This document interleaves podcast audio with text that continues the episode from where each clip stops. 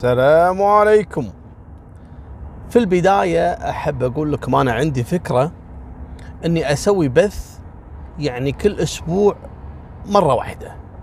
ممكن نخليه يوم الجمعة أو السبت.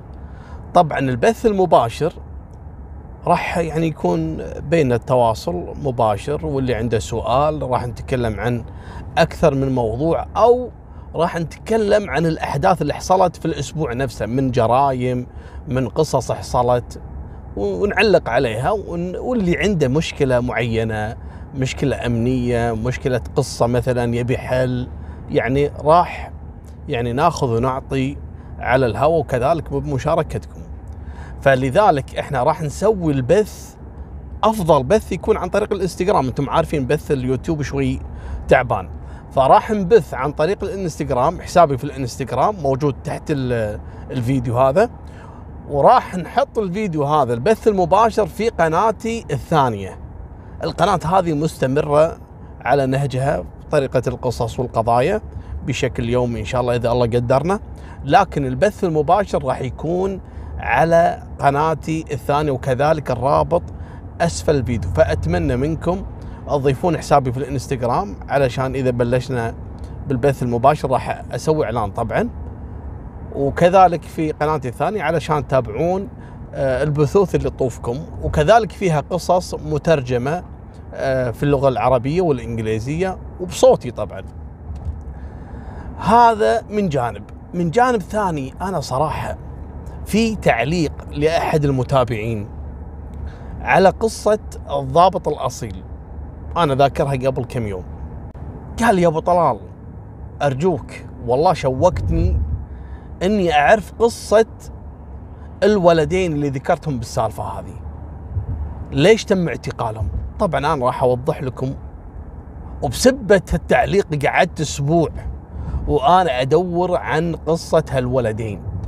طبعا انصدمت بحقيقة هالتفاصيل.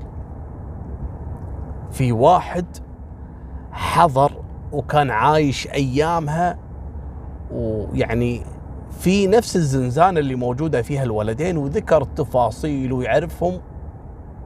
اسمع السالفة علشان ما أحرق عليك الفقرة. قصة الضابط الأصيل هذا الضابط اللي توظف فقط علشان يفتر في السجون والأفرع الأمن السورية في سنة 82 أيام ما كان في توتر في الأوضاع عندهم واعتقالات وكذا. هذا الكلام ترى مؤرخ في الكتب. فدخل أحد الأفرع انتقل خصيصا علشان ينقذ شابين أعمارهم 16 و15 سنة. لما راح الضابط يدور عليهم في الزنازين اللي في السرداب قالوا له يبا هذول توفوا من زمان وراحوا. ف يعني تضايق لأن أمهم اللي جتها دخيلة يعني دخلت عليه في بيتهم قالت له الله يخليك وعيالي خذوهم وما عندهم أي مشاكل ولا مساكين يعني. واعتقلوهم ويعتبرونهم من المعتقلين السياسيين. فكان متضايق إنه ما قدر يساعد عيال هالمرة هذه اللي استنجدت فيه. فأنقذ شيخ طلع هذا طبعا هو ما يدري شيخ يعني شيخ قبيلة يعني ورجل عنده خير من رب العالمين وهذا أصلا خذوه كذلك بالغلط وسجنوه وهذا ساعده بسبة هالقصة هذه تم يعني طرده من العمل وصادروا كل أمواله وصارت له أحداث مثيرة وراح تعجبكم القصة أنا متأكد. تابعوها. المهم الحين شنو قصة الولدين اللي تم اعتقالهم؟ هذول الولدين واحد ينقال له عمر والثاني اسمه حمزة. عايشين مع أمهم في دمشق. أبوهم متوفي وأمهم تصرف عليهم وكانت تشتغل مثل الممرضة أو يسمونها يعني البورتر أو داخل المستشفى. وتصرف على عيالها وعيالها متربين تربية طيبة جدا. كانوا حتى بعد فترة الدراسية الصبح يخلصون وقت المساء يشتغلون يعني أعمال حرة يدوية يشيلون بضايع وكذا علشان يساعدون أمهم في المصاريف. الأم هذه عايشة في دمشق لكن هي أساسا من الجولان. وهذا اللي استنجدت بالضابط علشان يطلع عيالها من السجن. ليش سجنوهم؟ في عام 82 مثل ما ذكرت لكم كانت الأوضاع عندهم فوق ما تتصورون. أتمنى إنكم تقرون في هالموضوع. فكانوا يعتقلون أي واحد أيامها ملتحي يصلي لأن الوضع كان عندهم شنو؟ إنه في انقلاب وان في جماعات إسلامية وجماعات مسلحة وما أدري شنو وبلاوي. فقاموا أي واحد يبلغ عن أي شخص يتم اعتقاله. احتياطيا بس لأنهم مو عارفين منو اللي قاعد يسوي هالبلبلة في البلد. وذاك اليوم كان يوم جمعة ويقومون العيال هذول متعودين أبوهم مربيهم من صغار وهم صغار إنهم يروحون يصلون في المسجد ويروحون يصلون في جامع الميدان اللي في دمشق. وهذا مسجد مشهور جدا. كان أيامها الناس تخاف تروح تصلي. فيوم الجمعة كان عددهم في هالمسجد الكبير ما يتجاوزون خمسين شخص. المهم يدخلون عليهم.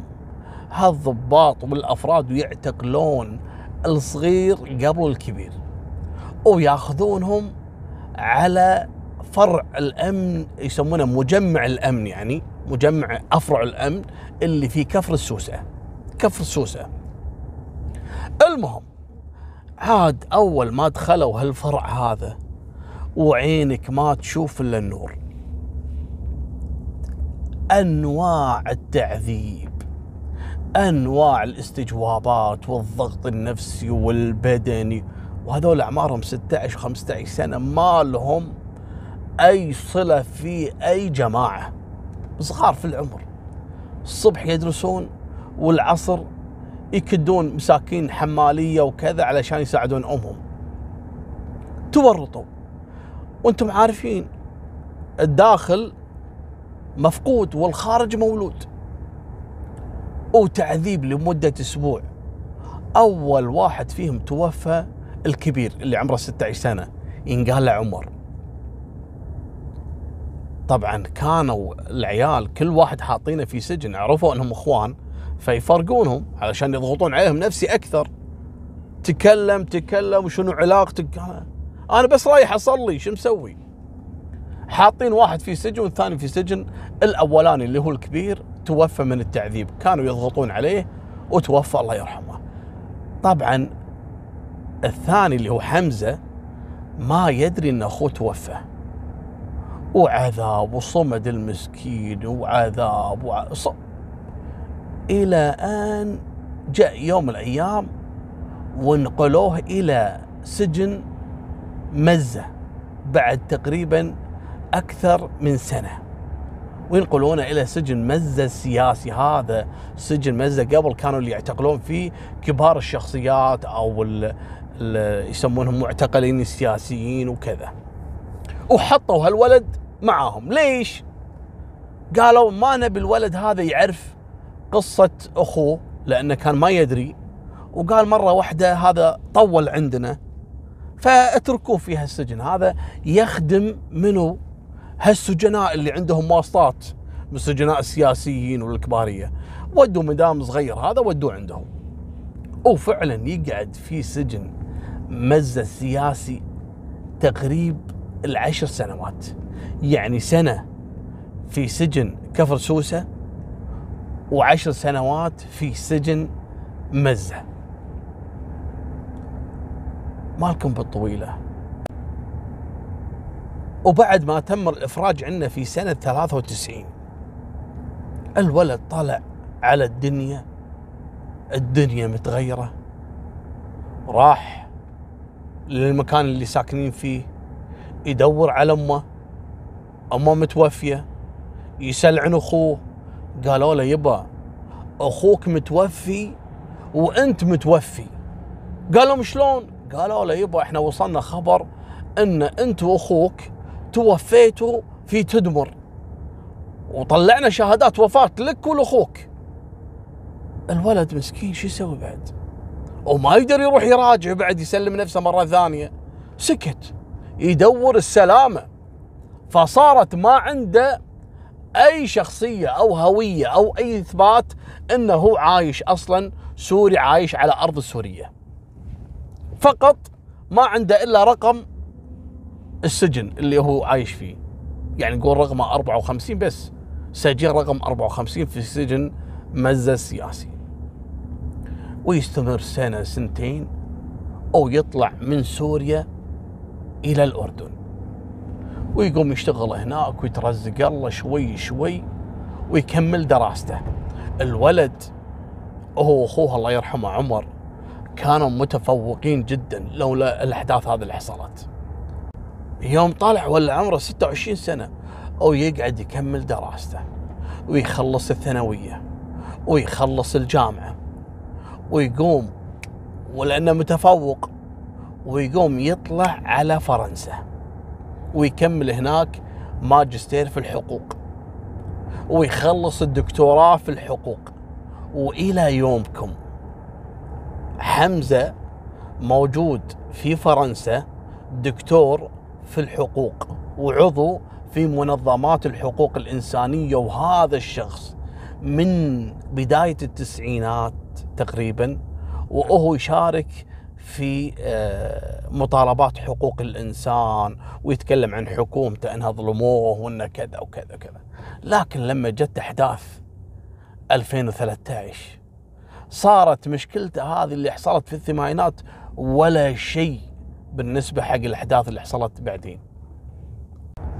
طبعا حمزة بعد ما راح فرنسا وقعد يطالب وكذا اكتشف أن جثة أخوه عمر ادفنوها في مقبرة ينقال لها مقبرة نجهة. مقبرة نجهة أيامها في الثمانينات كانت مقابر جماعية. تدرون شنو مقابر جماعية؟ مقابر اللي أهل الثورات ومقابر السياسيين ومقابر اللي يسوون انقلابات. يعني والله لو تسمعون هالاحداث راح تنجنون؟ ما راح. يعني تصدقون انه كان الوضع يعني من الثمانينات وهو سيء في سوريا. إحنا نتمنى الله يعني يهدي الأوضاع عندهم. لكن أنا عندي لكم قصة. حق واحد ينقال له محمد ويس. واتمنى اللي سامع في القصة يكتب لي تعليقه أسفل الفيديو. هذه من قصص الخيال. قصص أكشن بوليسية شيء لا يصدقه العقل. اللي هو الشخصية هذه اللي بتكلم عنها محمد ويس. إن شاء الله راح أروي لكم قصته إن شاء الله خلال الأيام القادمة. هذه نهاية سالفتنا. وفمان الله مع السلامة.